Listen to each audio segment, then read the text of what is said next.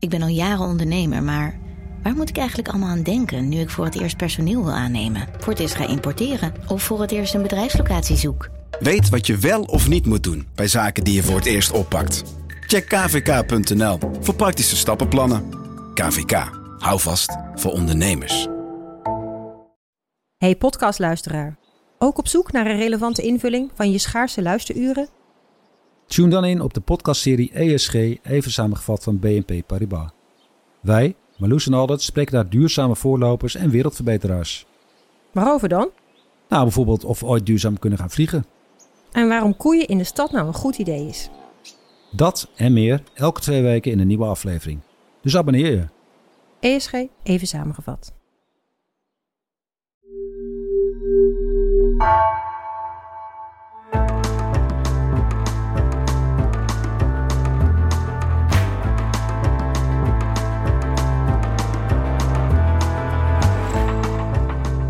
In de beslotenheid van haar spreekkamer zag Esther Perel koppels in al hun kwetsbaarheid. Soms vastberaden de boel te redden, soms boos, bedrogen, vaak de wanhoop nabij. Ze zette de deur van haar spreekkamer op een kier via boeken, lezingen, een podcast en nu zelfs een kaartspel. En dat maakte haar een van 's werelds bekendste therapeuten. Ze merkte dat de frustraties in de slaapkamer vaak voortkwamen uit de veranderende samenleving. En zo kreeg ze oog voor het grotere verhaal. Esther Perel groeide op in Antwerpen, studeerde in Jeruzalem en woont grotendeels in New York. Welkom bij het uur. Mijn naam is Pieter van der Wielen.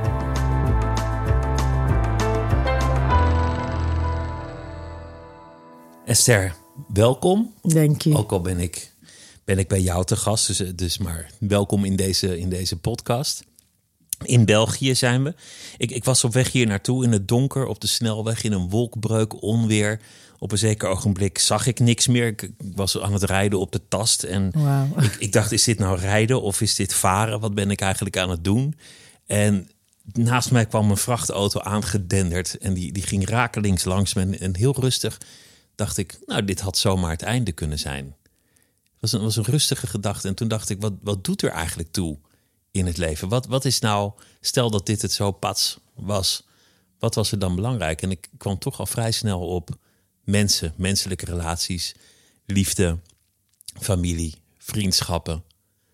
Dus, dus waar we het over gaan hebben vandaag is, is denk ik het belangrijkste wat er is. En, en toch wordt er vaak niet gedaan alsof het zo belangrijk is. Zoveel andere dingen in het nieuws of in de krant, da- daarvan doen mensen of- alsof het veel belangrijker is dan het zachte onderwerp van de liefde. Er is een research ehm, in de Verenigde Staten waar ehm, ze vroegen aan mensen die gingen sterven wat ze anders zouden willen gedaan hebben. En het voornaamste antwoord was meer tijd met, mijn, met de mensen van mijn leven, met mijn familie, met mijn vrienden. Gewoon meer. Meer tijd, meer diepte, eh, meer eh, ervaringen. Het had niets te doen met werk of geld of huis of bezit. Of roem of status. Relaties. Leven we daarnaar? Is, is dat iets wat, waarin we tekort schieten? Is dat een schuld die we, die we opbouwen? De tijd met onze geliefden?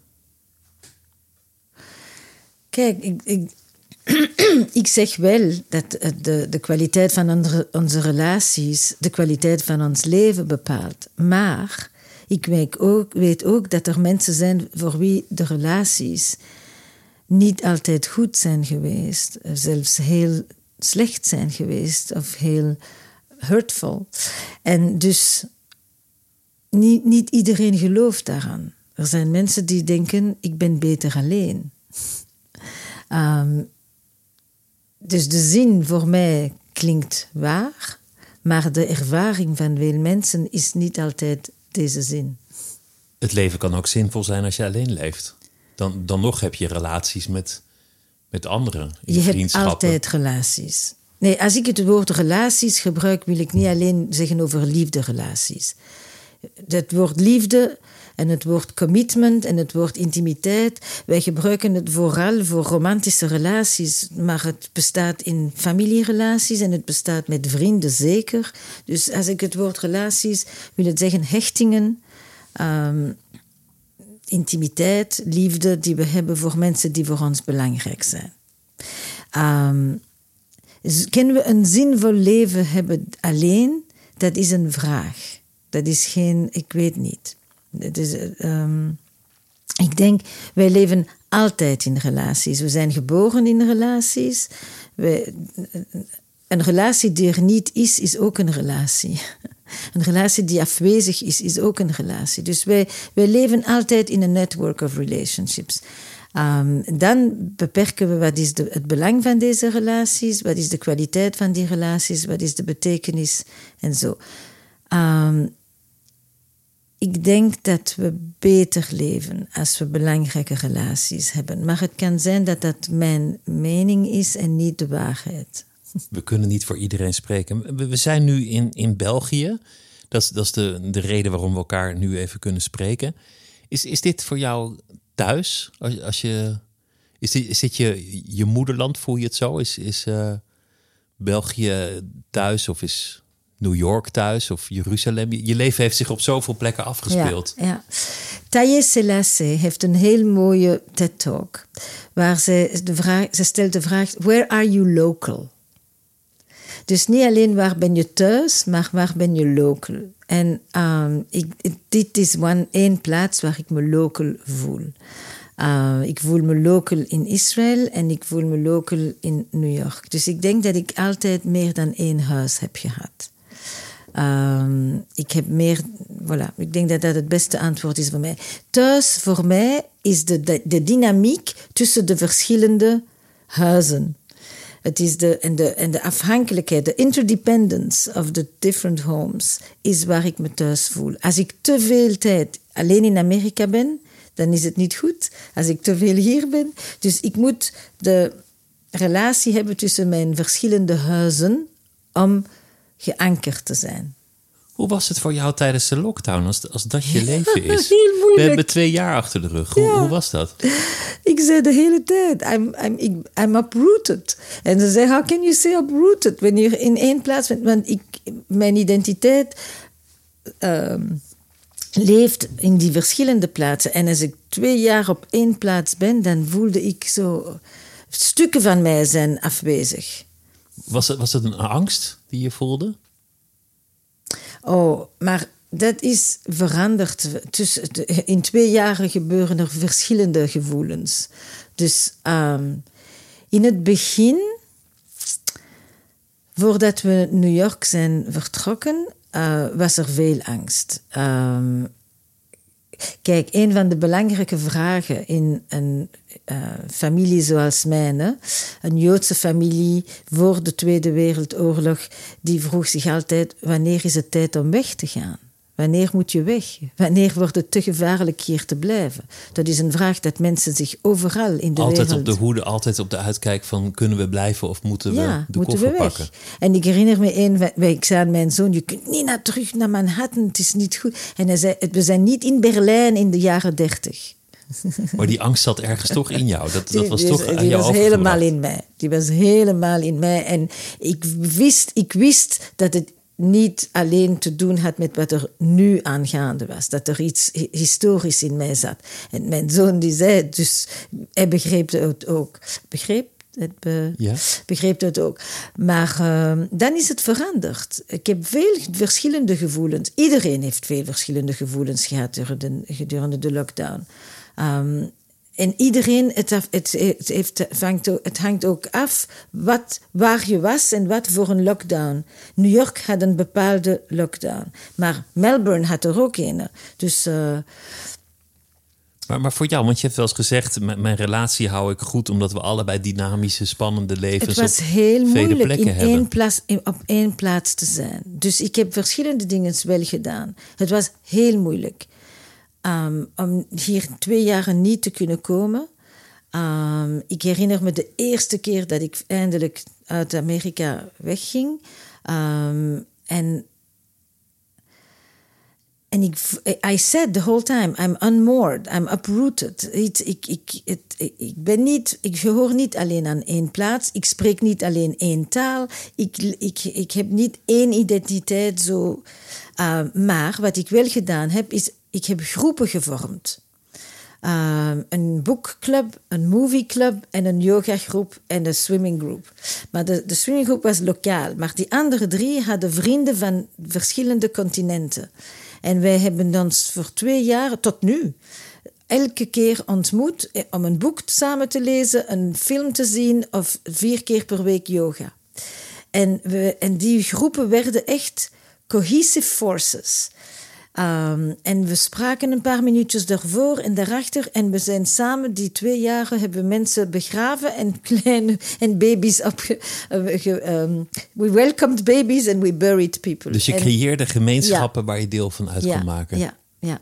Je, je, je, spreekt acht talen. En in alle talen heb je uh, ongeveer hetzelfde accent. Dus, dus, dus dat, dat maakt je heel bijzonder. Want de meeste mensen hebben één moedertaal en spreken een paar talen wat minder erbij. Het, het brengt je ook in een positie dat je in, in heel veel culturen een soort observant kunt zijn. Ja, ja, ik ben een interculturele uh, psycholoog. Hè? Dus uh, um, kijk, wij spraken vijf talen thuis. Uh, mijn ouders waren Pools. Die spraken Duits, Jiddisch en Pools. En dan hebben ze Nederlands en Frans gele geleerd hier in Leuven en in Antwerpen. Uh, ik ben naar de Nederlandse school gegaan en ik denk als een kind had ik geen Frans accent in het Nederlands. Um, en in het Antwerps heb ik het nog nooit. dus ik kan nog Antwerpen dialect spreken en dan heb ik ook geen accent.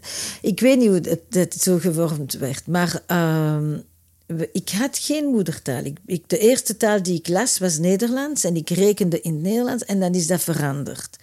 Uh, wij spraken thuis een gemengde boel van talen. En mijn vader kon niet schrijven of bijna niet lezen. Hij heeft zichzelf de krant heeft zelfs geleerd de krant te lezen in al die talen, maar die is drie, keer, drie jaar op school geweest. Dus hij was geen geleerde persoon, mijn moeder wel. En, uh, en elke keer dat ik nog een taal erbij had, dan waren ze heel trots. Ze zeiden, dat is goed, je moet... Maar, maar ze hebben daar geen uh, programma over gemaakt. Het was gewoon belangrijk talen te spreken. Dat, dat, dat, dat, is iets dat je gewoon normaal opneemt. Zodat, Zo. je, zodat je op veel plekken kunt aarden, zodat je flexibel ja, bent. en met iedereen kunt spreken. En ik heb dat doorgegeven aan mijn kinderen ook. Mijn man spreekt alleen Engels. mijn echtgenoot. Mijn man, dat, zo, dat klinkt zo raar. Uh, en, uh, maar mijn kinderen, ik, en dat is niet zo gemakkelijk in Amerika om meertalige kinderen op te voeden, want in Amerika dikwijls als je tweetalig bent, is het een it's a lower socio-economic status. Dat is helemaal het raar. Engels is heel dominant. Ja, en if you speak another language, you're an immigrant.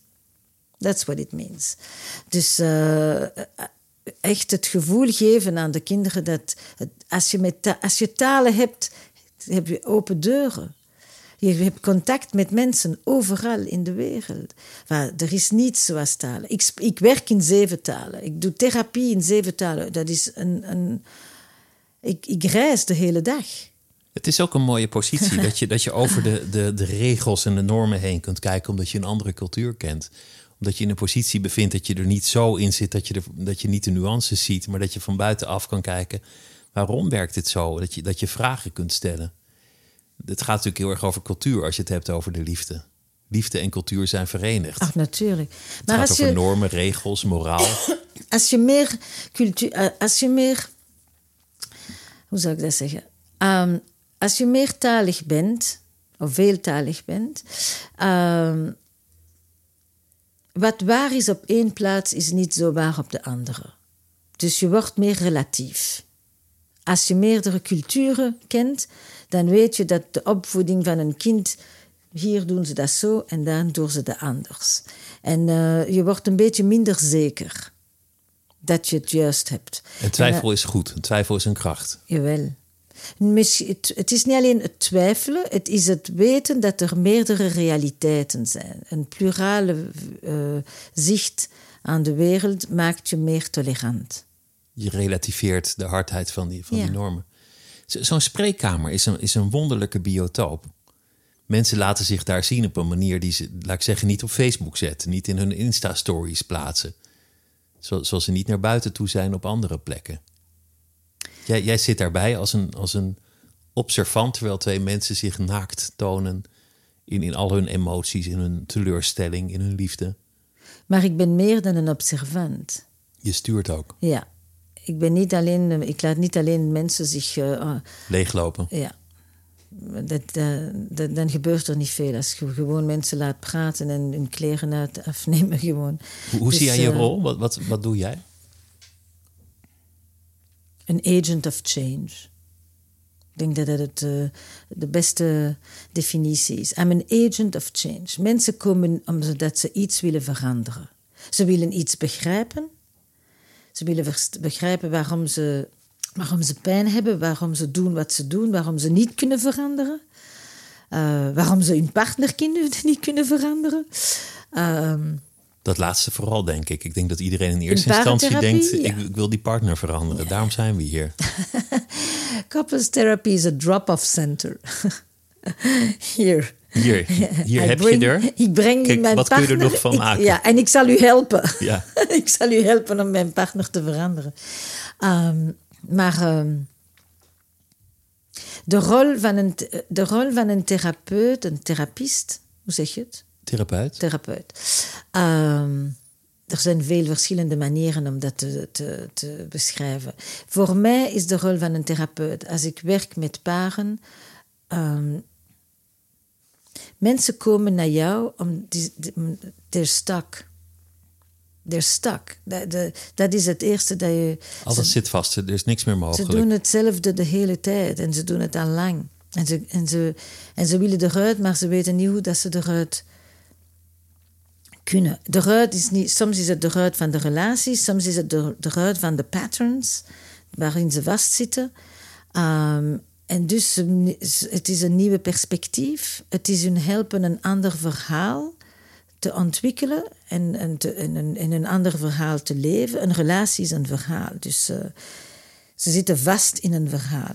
Ehm, de rol van de therapeut is eh, zin te geven, betekenis, helpen mensen te begrijpen, helpen mensen meer flexibel te zijn, zich, zich iets anders kunnen doen, dat ze niet vastzitten in hun, in hun, in hun geschiedenis eh, van vroeger, die nu dat ze niet vastzitten in de negenjarig kind dat daar alle gevoelens heeft en de volwassene die vertrekt, die is weg op het Dus hoe, hoe je integratie doet tussen het verleden en het hedendaags, tussen het kind en de volwassene, tussen de zelf en de andere, tussen ik en de relaties. Dus het gaat allemaal over verhalen. Verhalen die mensen zichzelf vertellen. Waarheden. Of dat ze samen opbouwen. Soms ver- ver- verhalen die ze zelfs vertellen en soms verhalen die ze samen opbouwen. Op, eh, eh, dat ze samen creëren. En dat, dat verhaal moet veranderd worden. Wil je verandering in de relatie krijgen? De, de podcast heet heel mooi. Die, die eh, maakt Where Should We Begin? Dat, dat lijkt me precies de vraag die je stelt als twee mensen met zo'n ravage bij je aan tafel komen. Dus ik ben. eh, Oké, dus ik zit al bijna 40 jaar in mijn praktijk en op een zeker moment. Ik heb de hele tijd gezegd: het parentherapie is een van de beste theaters dat je kunt zien. Maar hoe breng je dat naar de anderen? Paren leven heel dikwijls met geheimen. Niemand weet echt wat er vandaag in een paar gebeurt. Je vrienden kunnen zich verlaten en je bent verrast. Je zag het niet komen. Vroeger wist je toch een beetje wat er aan gaande is bij de buren en je kon alles horen. En nu, eh, iemand, iedereen zit daar in zijn klein cocoentje. En ehm, ik dacht, nog een koppel en nog een koppel. Ik, ik moet de, de, de deur openmaken van mijn praktijk. En ik zou graag willen dat mensen horen wat er bij de anderen gebeuren. Dan is het minder gepathologiseerd. Dan hebben ze meer het gevoel dat ze niet alleen zijn. En dan kunnen mensen die niet naar therapie kunnen komen ook iets daarbij horen dat gratis is, accessible wereld te- in de hele wereld kan Een, gaan. een alternatief voor de glitter en glamour van social media. Natuurlijk. Maar Want- ook een alternatief voor de, voor, de, eh, voor, de voor de privilege van therapie. Niet iedereen kan naar therapie, ook niet. Dus je hebt een kleine kamer waar heel weinig mensen eigenlijk naartoe kunnen gaan in de wereld. En dan heb je social media waar, waar veel van ons aan het liegen zijn. En, en een hele filtratie van ons leven. Dus Een perfecte relatie, een perfect leven. En dan uiteindelijk een perfecte break-up. Waarin je zegt, we zijn in goed overleg als vrienden uit elkaar Ja. gegaan. En we herinneren ons de liefde. Die, die teksten zijn altijd hetzelfde. Kijk, het is toch interessant dat iedereen over authenticiteit spreekt deze dagen, op dezelfde moment dat we zoveel liegen. Want we liegen heel veel op dit moment. Ja, we liegen zoveel dat we de hele tijd bezig zijn met authenticity. Is dat een, een, een deel van, van de moeilijkheid? Dat, dat er tamelijk rigide normen zijn van hoe het hoort. Dat er een beeld is van hoe het zou moeten zijn. Dat er een, een hang is om het perfecte plaatje te creëren. En dat achter die façade alles zo rommelig en complex is. Nee, ik denk, er is iets anders. Uh, enfin, dat, maar ik ga, ik, ik ga een beetje uh, uh, context geven. Ik, ben, ik dacht, er zijn twee belangrijke dingen. Eén is de verwachtingen die we vandaag brengen in onze intieme relaties. Een podcast over het koppel, 87, 90 jaar geleden, zou helemaal niet interessant zijn. We zouden een podcast moeten hebben over de familie. Want het belangrijkste, de, de most important unit, was de familie. Wij hebben vandaag en de gemeenschap. Vandaag zijn de verwachtingen verplaatst naar de relatie, naar het koppel, het paar, de romantische. De godsdienst en de, de gemeenschappelijke structuren zijn zwakker. En dus al die verwachtingen die vroeger in ons gemeenschappelijk leven waren, zijn nu vertrokken naar het paar. Alles moet uit. Het paar moet geven wat een heel dorp gaf. Het koppel geeft wat een, vroeger een hele gemeenschap moest brengen. Dat is een van de belangrijkste veranderingen. Ik wil met dezelfde persoon alles wat de gemeenschap gaf.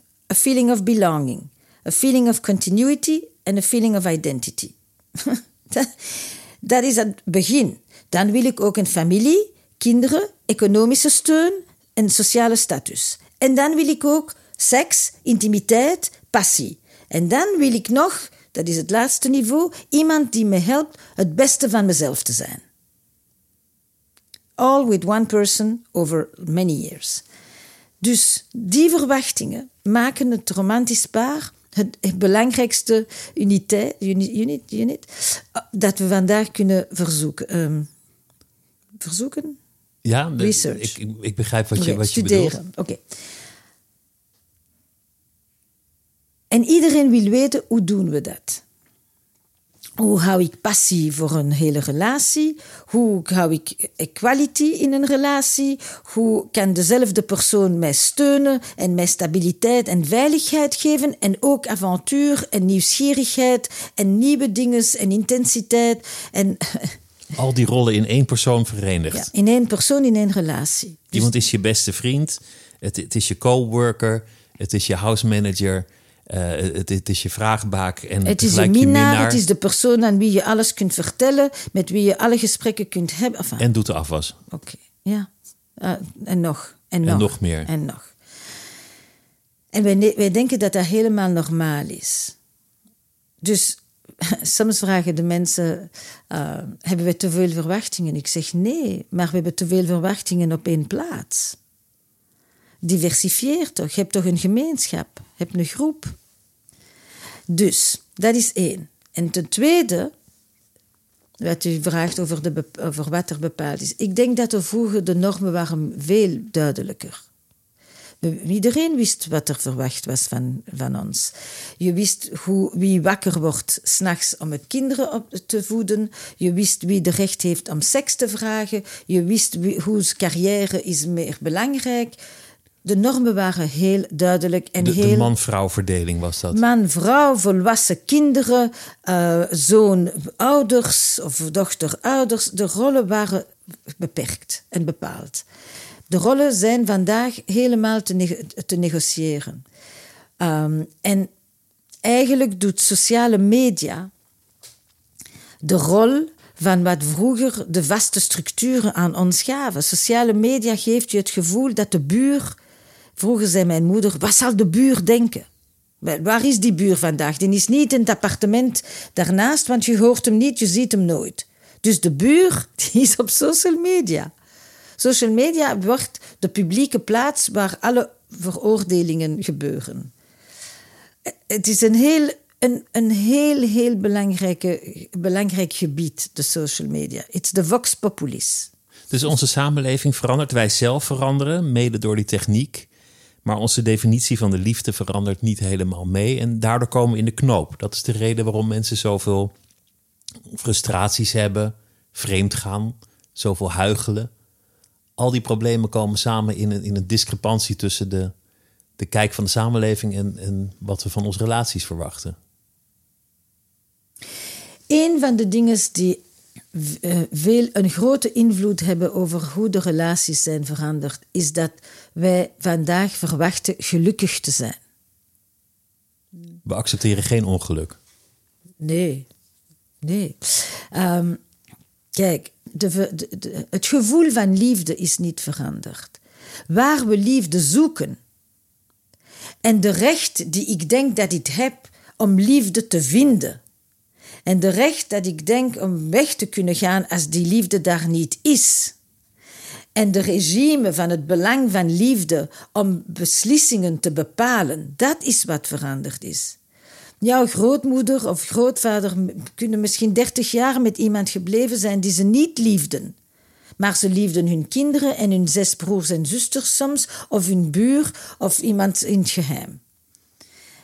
Maar ze leefden met iemand die ze niet liefden. Vandaag het idee dat ik ga verder doen, nog, ik ga nog twintig jaar met iemand zijn die ik niet lief, of, of de liefde is niet zo goed, dat is een recht dat ik vroeger, een, een right en een, en een norm, dat ik vroeger niet dacht dat ik had. Ik vroeger legde je daarbij neer, dan dacht je, nou ja, het, het, het moet maar. Ja, eerst kon je niet weg. En vrouwen zeker kunnen niet weg. En dan zei je gewoon, um, how important is love anyway? En je dacht, er zijn andere belangrijke waardes. je ging een beetje vreemd. values. En je ging vreemd, vooral enfin, toch meer mannen dan vrouwen. Enfin, dan vraag je toch met wie gingen die mannen. Maar um, het vreemdgaan was niet hetzelfde als je geen contraceptie had. Dus, Alles dus, is veranderd met contraceptie. Dus jouw, jouw enorme gedrevenheid, boeken schrijven, lezingen geven, podcast, uh, interviews, gaat, gaat niet alleen over het helpen van de koppels die in jouw spreekkamer komen, maar eigenlijk wil je de, de hele samenleving iets voorhouden. Eigenlijk wil je, wil je een alternatief bieden aan normen die in de maatschappij heersen. Ik zie mijn werk um, zo. Ik denk van dat relaties moeilijker zijn geworden. Ze zijn moeilijker geworden omdat we ze zelf moeten bepalen. We hebben meer keus, meer vrijheid, meer opties, maar ook meer onzekerheid en meer twijfel. Vroeger hadden we meer zekerheid, maar geen vrijheid en geen persoonlijke uitdrukking. Uitdruk. ja, ik begrijp wat je bedoelt. Persoonlijke expressie. Expressie. Um, ik denk dat er een, een plaats is om gesprekken te hebben over de complexiteit van de moderne relaties. Hoe de normen zo vlug aan het veranderen zijn en hoe we elkaar helpen om te begrijpen hoe we met relaties moeten omgaan. Relaties in het werk met onze manager, relaties met onze ouders, ouders met hun kinderen, um, vrienden met elkaar en liefderelaties. Want daar speelt eigenlijk hetzelfde. Met de baas speelt hetzelfde. We verwachten te veel van onze baas. We verwachten niet te veel. Het is niet het te. We verwachten andere dingen. We verwachten op het werk ook persoonlijke ontwikkeling, zin, een gevoel van het gehoren, het belonging. Um, um, een manager die, die, die begrijpt de, wat er in ons privaatleven gebeurt, onze mental health, ons well-being. We, we brengen het aan het werk we brengen vandaag aan het werk en aan de intieme romantische relaties wat we vroeger brachten aan ons gemeenschappelijk leven. Die twee, werk en thuis, zijn vandaag de twee polen waar onze voornamelijkste behoeftes worden gebracht en, en we zoeken om ze daar te, te Waar we vroeger een, een heel dorp hadden en een, en een café en een, een biljartvereniging. En weet je wat jij zei over de lockdown? Al die clubjes die samen jou opbouwen. Als, als een soort Ja, we noemden uh, die pods. Cirkel. Pods in, uh, in, in het Engels. En was het nieuwe woord. Pod. Een klein groepje met wie je die afhankelijkheid kunt uh, um, ontwikkelen. Maar mijn werk, je vroeg eerst over. Uh, ik zie mijn werk als iemand die helpt de gesprekken te ontwikkelen over de toestand van relaties vandaag in de wereld. Op een interculturele manier, zodat het niet hetzelfde gesprek is als ik hier ben, of in Turkije of in Argentina. Dus het, het, maar het gesprek over relaties vandaag is heel belangrijk. Um, en ik ben gewoon een persoon die daarin zit om het gesprek te ontwikkelen. En om mensen te helpen moeilijke gesprekken te hebben. Als de norm duidelijk is, moet je niet zoveel spreken.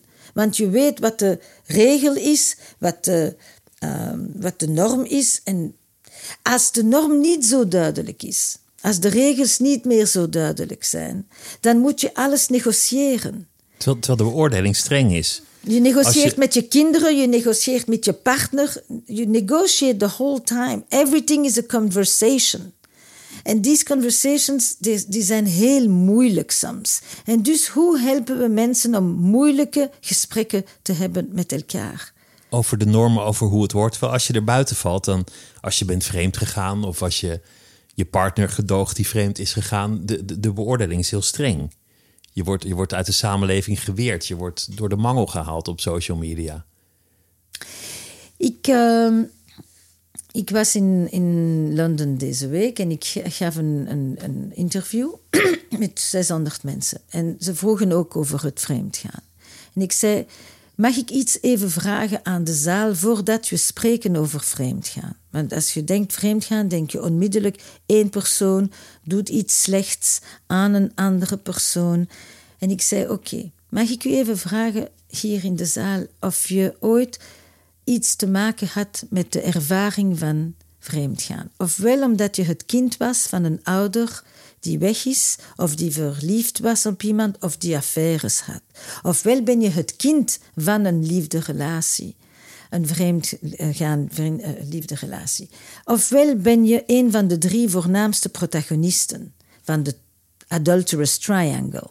Ofwel ben je de vriend op de schouder van wie iemand al maanden aan het wenen is. Ofwel ben je de confidant of iemand die je alles vertelt van hun nieuwe relaties. Wie heeft er hier ervaring gehad met vreemdgaan? En zoals altijd, 80% van de hele zaal heeft zijn hand op. En dan kunnen we beginnen met het gesprek van vreemdgaan. Want dan zeg je, vreemdgaan leeft in de schaduw van het huwelijk of van de vaste relatie. Vreemdgaan is systemisch, dat heeft altijd bestaan. Maar de mening, de zin van het vreemdgaan is veranderd. Vroeger, als er, als er geen liefde was in het huwelijk, of het was niet het voornaamste, het was niet de kern van de ontwikkeling van een relatie, dan wou het vreemdgaan zeggen: ik ga liefde zoeken. Vandaag, als liefde het centrum, de, de sleutel is van de relatie, en nu iemand gaat vreemd, dan wil het zeggen dat de relatie niet de liefde en de intimiteit en de passie heeft gebracht die het beloofd had. Dat zeg in dat al, die, al die functies niet, niet geslaagd is, of in ja. een van die functies.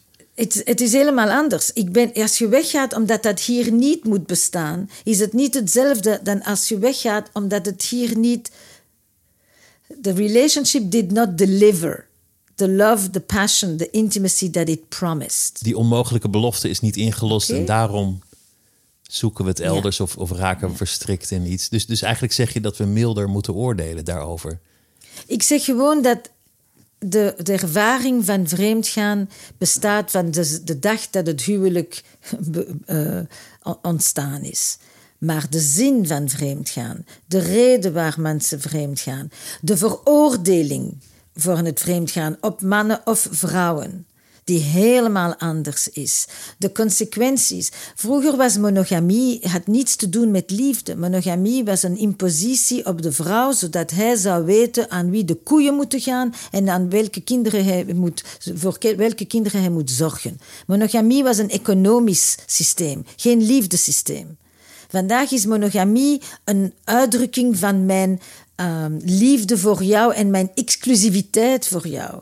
We gebruiken dezelfde woorden, maar de betekenis van die woorden is systemisch en sociaal en cultureel helemaal veranderd. Monogamie was één persoon voor het leven, monogamie nu is één persoon, one person at a time. Seriële monogamie. Seriële, en dit, die seriële monogamie is helemaal normaal geworden. Maar dat is een hele revolutie van een concept, seriële monogamie.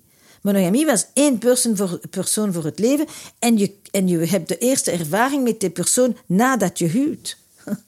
Ik wil, ik wil toch over iets anders. Je zei net dat je bent opgegroeid in een, in een gezin van holocaustoverlevenden.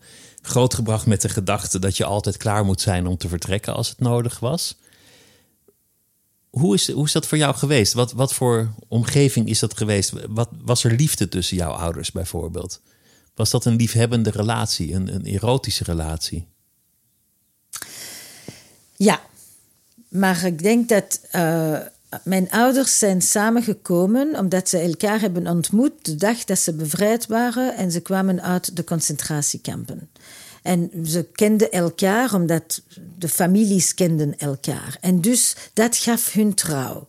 Ik weet van waar je komt. Jij komt uit een goede familie. Ik ben alleen, jij bent alleen. Ik heb iedereen verloren. Jij hebt iedereen verloren. Ze waren beide de enigste overlevenden.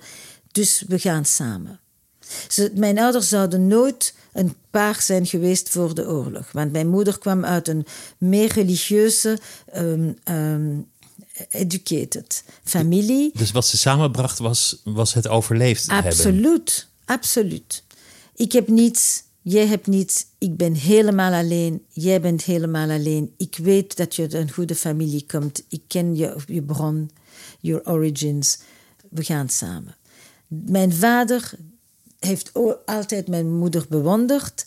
Uh, en hij, wist dat hij nooit met, haar zou geweest zijn. Ze hadden ook, mijn vader was met um, fiance, um, engaged. Verloofd? Verloofd. Mijn moeder was te jong. Uh, maar maar mijn, mijn, moeder zou nooit kiezen met wie ze ging huwen. Mijn moeder kwam uit een ultra-orthodoxe uh, um, background. En de familie koos voor jou. Je, je, je, ze kwamen niet over. Uh, was, was het een gelukkig huwelijk? Heel, heel. Maar, het, maar hij bewonderde haar en, en hij liefde haar en zij hem ook.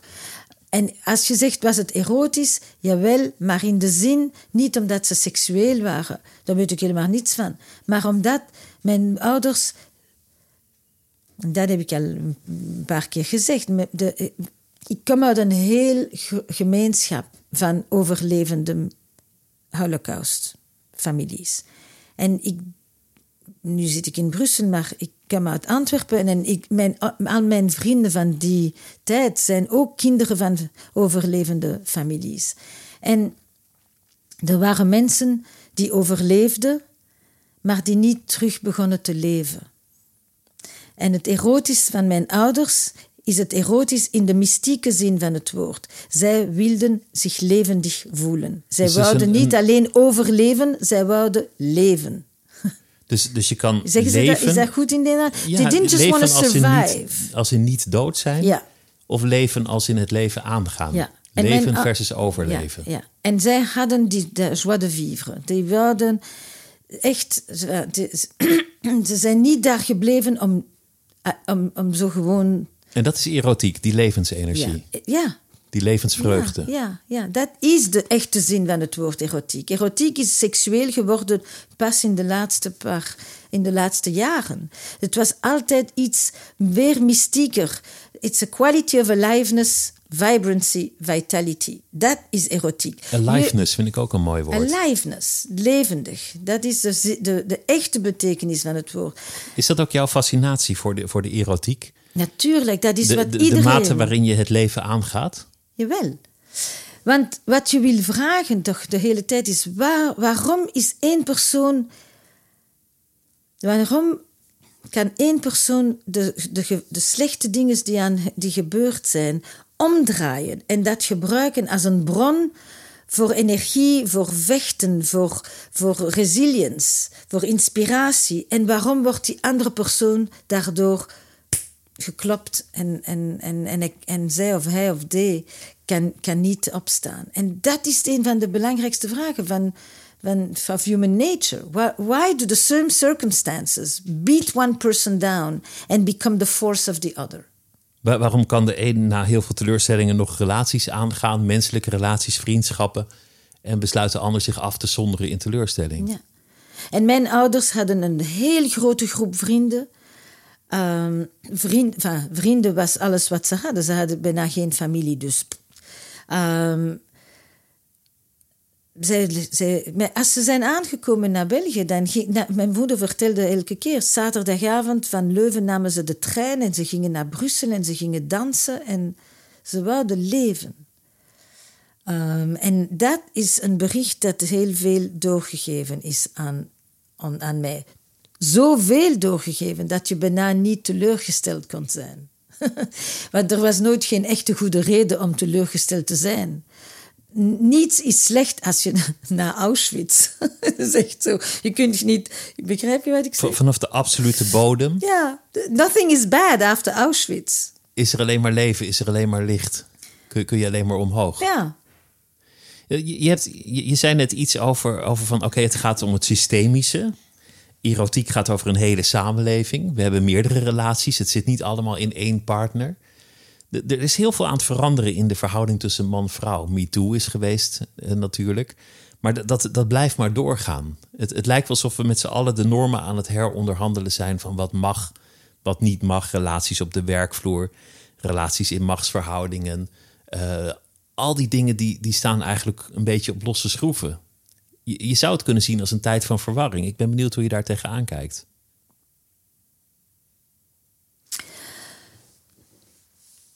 Het is een tijd van verwarring.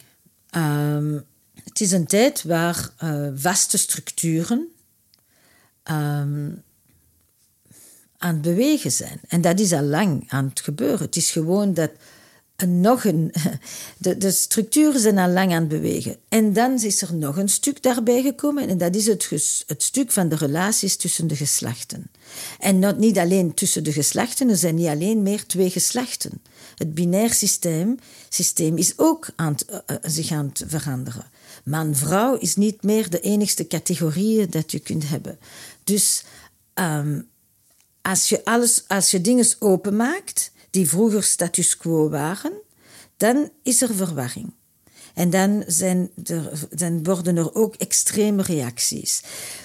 Als je, ik denk dat ik kan, ik kan het gewoon zo zeggen, op, als ik het eerste boek schreef en ik probeerde vaste systemen en ri- rigid structures aan het openmaken, dan word je ook soms in het begin zelfs eh, rigid. Je wordt zelf rigide als je probeert te analyseren Ja. waar de Ja. normen liggen. Ja, nee, niet, waar, niet analyseren waar de normen. If you want to challenge rigidity, sometimes you become rigid yourself. Je zet er iets tegenover dat even rigide is. Ja, het neemt tijd totdat je iets kunt flexibel eh, ehm, eh, veranderen. Ra- In plaats van. I can't say this in, in Ik zal het even in Engels zeggen en dan kun je het vertalen. When you challenge structures, at first, sometimes you want to make a point, so much so that you yourself become as rigid as the structures that you're challenging. And only with time do you become more flexible and more nimble in your challenge, so that you, and, and that is the maturity. It's like when you first do something, you stiff. Volwassenheid is dat je niet denkt dat je de waarheid in pacht hebt, dat, dat jouw waarheid op dat moment te bevragen is. Daar, daar zit hem de, de ruimte voor beweging. Want daar ging het over. Je zei, we, we willen dingen in beweging zetten. En dat betekent dat die waarheden dus soms op losse schroeven Het moeten. is niet alleen volwassen zijn, het is maturiteit. Maturiteit is niet rigidisch. Maturiteit is niet stijf. Maturiteit begrijpt dat er dingen zijn die ambigu zijn. Dat het niet zo blak, zwart of wit is. Dat is maturiteit. Dat wil zeggen dat je leeft met contradicties, met dingen die niet samen met elkaar gaan, maar eigenlijk wel samen met elkaar leven.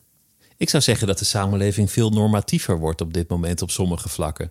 dat dingen die vroeger met mildheid bezien werden, nu juist heel streng beoordeeld worden. Ik, dat, omdat, omdat mensen iets anders aan het zoeken zijn en ondertussen worden ze meer, wat jij normatief neemt, noemt, noem ik rigidisch. maar we zijn hetzelfde aan het zeggen. Terwijl erotiek zit hem Ik juist zeg in het gewoon niet waarom rigide. dat nu gebeurt. Ik denk dat we meer normatief aan het worden. Mijn, mijn kinderen zijn meer normatief dan ik. Maar ik was minder normatief omdat ik in reactie was op een generatie die meer normatief was dan ik. Het is, de het is voor kinderen van nu, voor jongeren van nu, denk ik best wel ingewikkeld. Met, met, met ja, wanneer ga je flirten? Hoe begin je aan seks? Wanneer, wanneer heb je een eerste aanraking? Eh, Dat, dat ge, gefoos achter het fietsenhok van vroeger, mag dat eigenlijk wel? Kun je dat wel maken? Al, die- al die normen staan op losse schroeven. Ja, Die spanning is, is voor een deel verboden. Alles moet expliciet zijn, benoemd zijn, in goed overleg gaan. Het, het, het lijkt me complexer. Hoe, hoe zie jij dat? Ik ben akkoord. Het is, het, enfin, ik weet niet of het complexer is. Ik denk dat wij het ook moeilijk vonden als we jong waren. Het was moeilijk, het was spannend. Uh, maar ehm, het is anders. Ik, ik, eh, ik, ik, ik ehm, hoe zeg je? Ehm I accompany. Ik begeleid. Ik- ik begeleid. Ik begeleid mijn, mijn eigen zonen en hun hele groep vrienden. Dus, eh, en ik lees de tekst. En dus ik, ik zie hoe dat ze met elkaar, eh, niet mijn zonen, maar hun vrienden. Zo, ik zie veel van de, wat, wat mensen proberen te zeggen met elkaar en zo. Ik vind het zo moeilijk dat ik een heel spel heb gecreëerd dit jaar. Where should we begin the game of stories? Omdat ik dacht, oké, ik zie mensen die niet meer weten wat ze, met, wat ze moeten verdelen en vertellen aan elkaar. Dus ik ga een spel maken zodat mensen het gemakkelijker vinden om, om elkaar te leren kennen. Ehm, en intimiteit op te bouwen. Ehm, maar als ik zelf denk aan mijn eigen ervaringen en andere mensen ervaringen van onze generatie, het was ook heel verwarrend. Ik ben de eerste generatie met de pil en voor aids. Dus in, in wezen was alles zonder consequentie. Maar het was ook verwarrend. Wij zijn dat een beetje vergeten. Wij, de- wij deden allerlei dingen. Het enige dat verandert, enfin, niet het enige, maar wat heel veranderd is, is dat vrouwen voornamelijk dachten: ah, ik ben verantwoordelijk. Als ik het, wa- wa- wat ik doe of niet doe, of, ik moet dat zelfs behandelen. Ik dacht, ik dacht niet, de maatschappij moet mij daarmee helpen. Want ik dacht, ik ben in oppositie aan de maatschappij. Het is toch niet mijn ouders die, die, dat mij, kunnen, die mij konden hel- helpen met, met eh, mijn adolescente jaren en eh, dit, dit heel nieuw gebied. Of, Dus met die vrijheid kwam een enorme verantwoordelijkheid voor de vrouw. Enorm. Enorm. En wat de vrouwen vandaag zeggen is: waarom ben ik de enigste die daarvoor verantwoordelijk moet zijn? Ik, om niet zwanger te worden was de verantwoordelijkheid van de vrouw.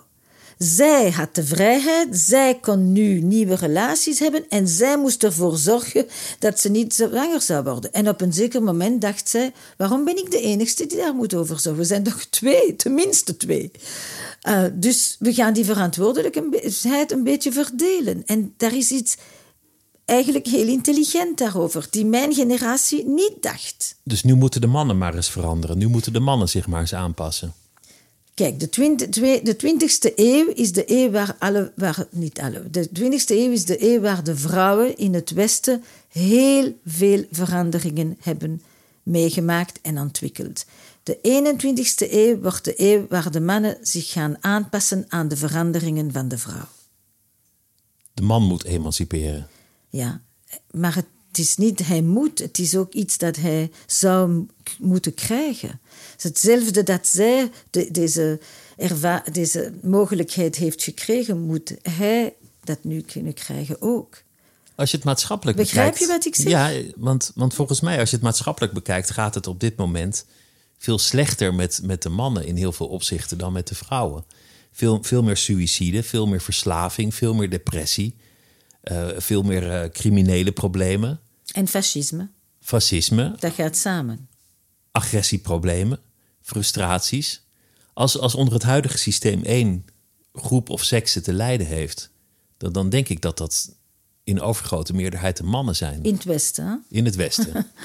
In andere plaatsen zijn de vrouwen nog altijd... En, en, eh, en los, los van, van problemen die, die non-binaire mensen eh, ondervinden, dat, dat is een, een andere categorie. Maar wat, wat ik bedoel is dat die, dat die normen van mannelijkheid en vrouwelijkheid ook mannen tot slachtoffer maken. Kijk, we zijn, we zijn aan- eh, iets aan het veranderen dat heel lang een, een, een vaste idee geweest is. Het was altijd, historisch was het mannelijk, de naturele het geslacht. De man was helder, eh, de man eh, eh, was de norm, de vrouw was een man met de, with the organs on the inside. Dus de referentie was de man. En het idee was, het is, het idee was, de, hoe zou ik dat moeten zeggen? Ehm,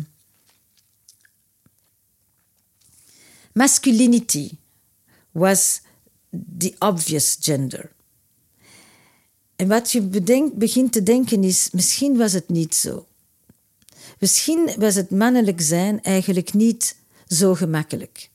Als je altijd moet zeggen: be a man, prove you're a man, show me you're a man.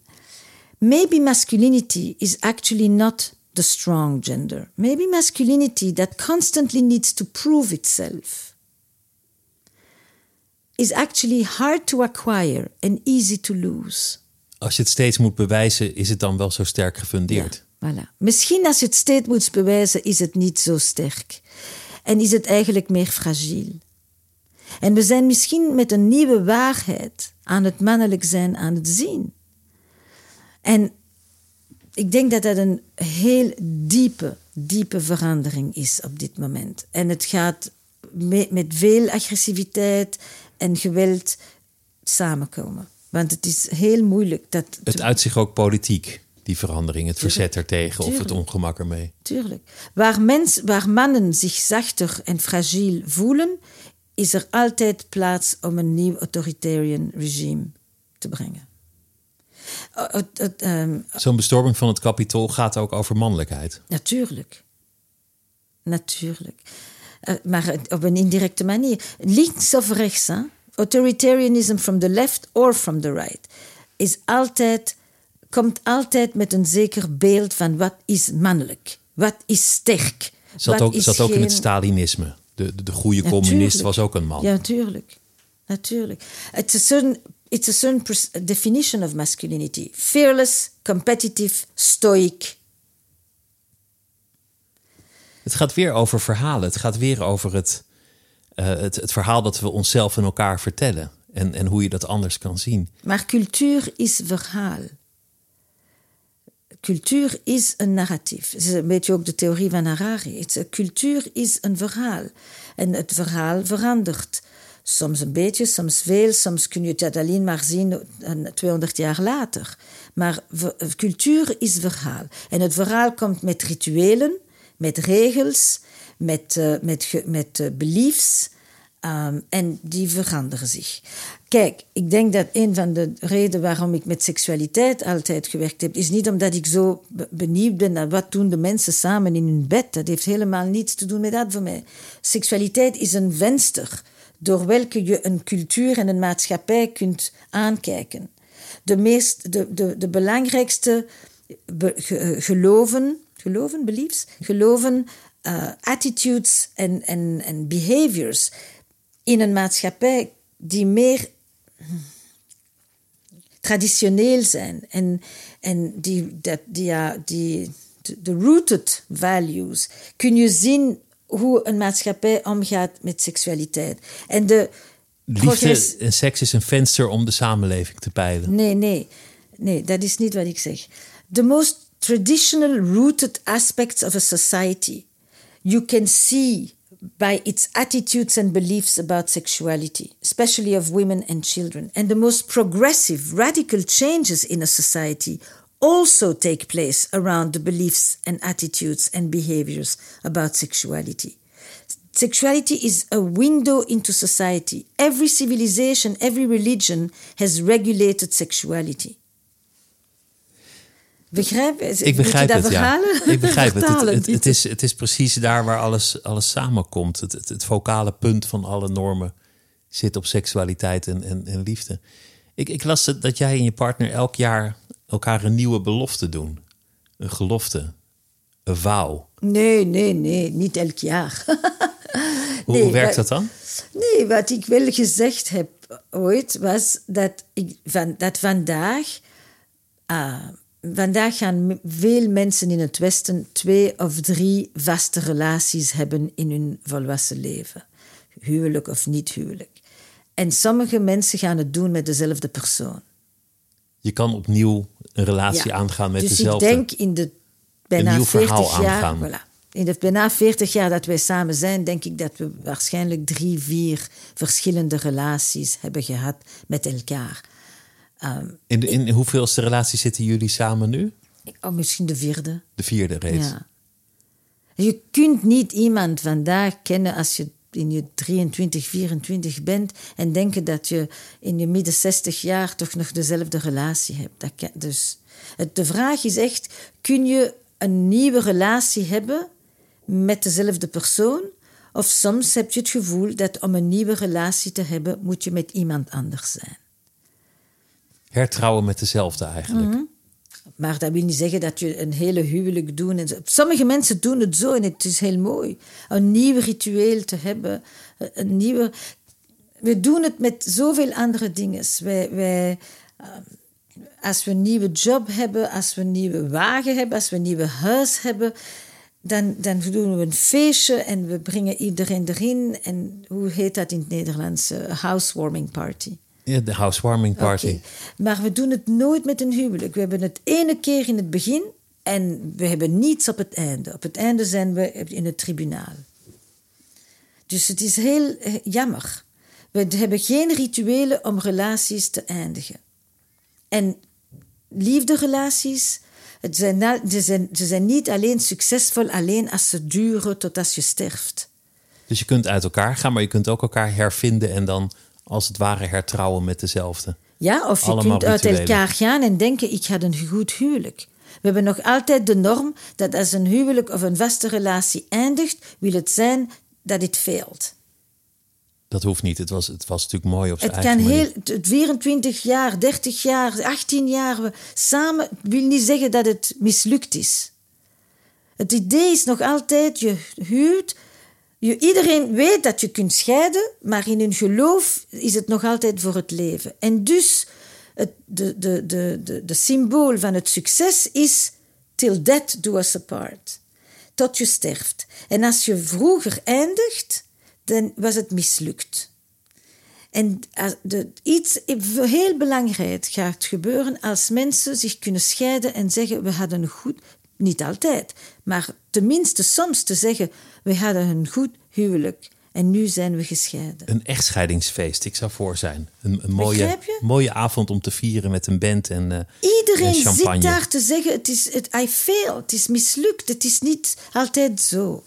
Soms wel, maar soms, we moeten een nieuwe norm toch hebben die kan zeggen, mensen die samen hun ouders begraven, hun kinderen opbrengen, bij elkaar helpen met de carrière, eh, met hun gezondheid, zo en zo, en die op een zeker moment zeggen, zeggen, we willen niet meer samen zijn, wil niet zeggen dat ze een slechte relatie hadden of dat ze mislukt zijn.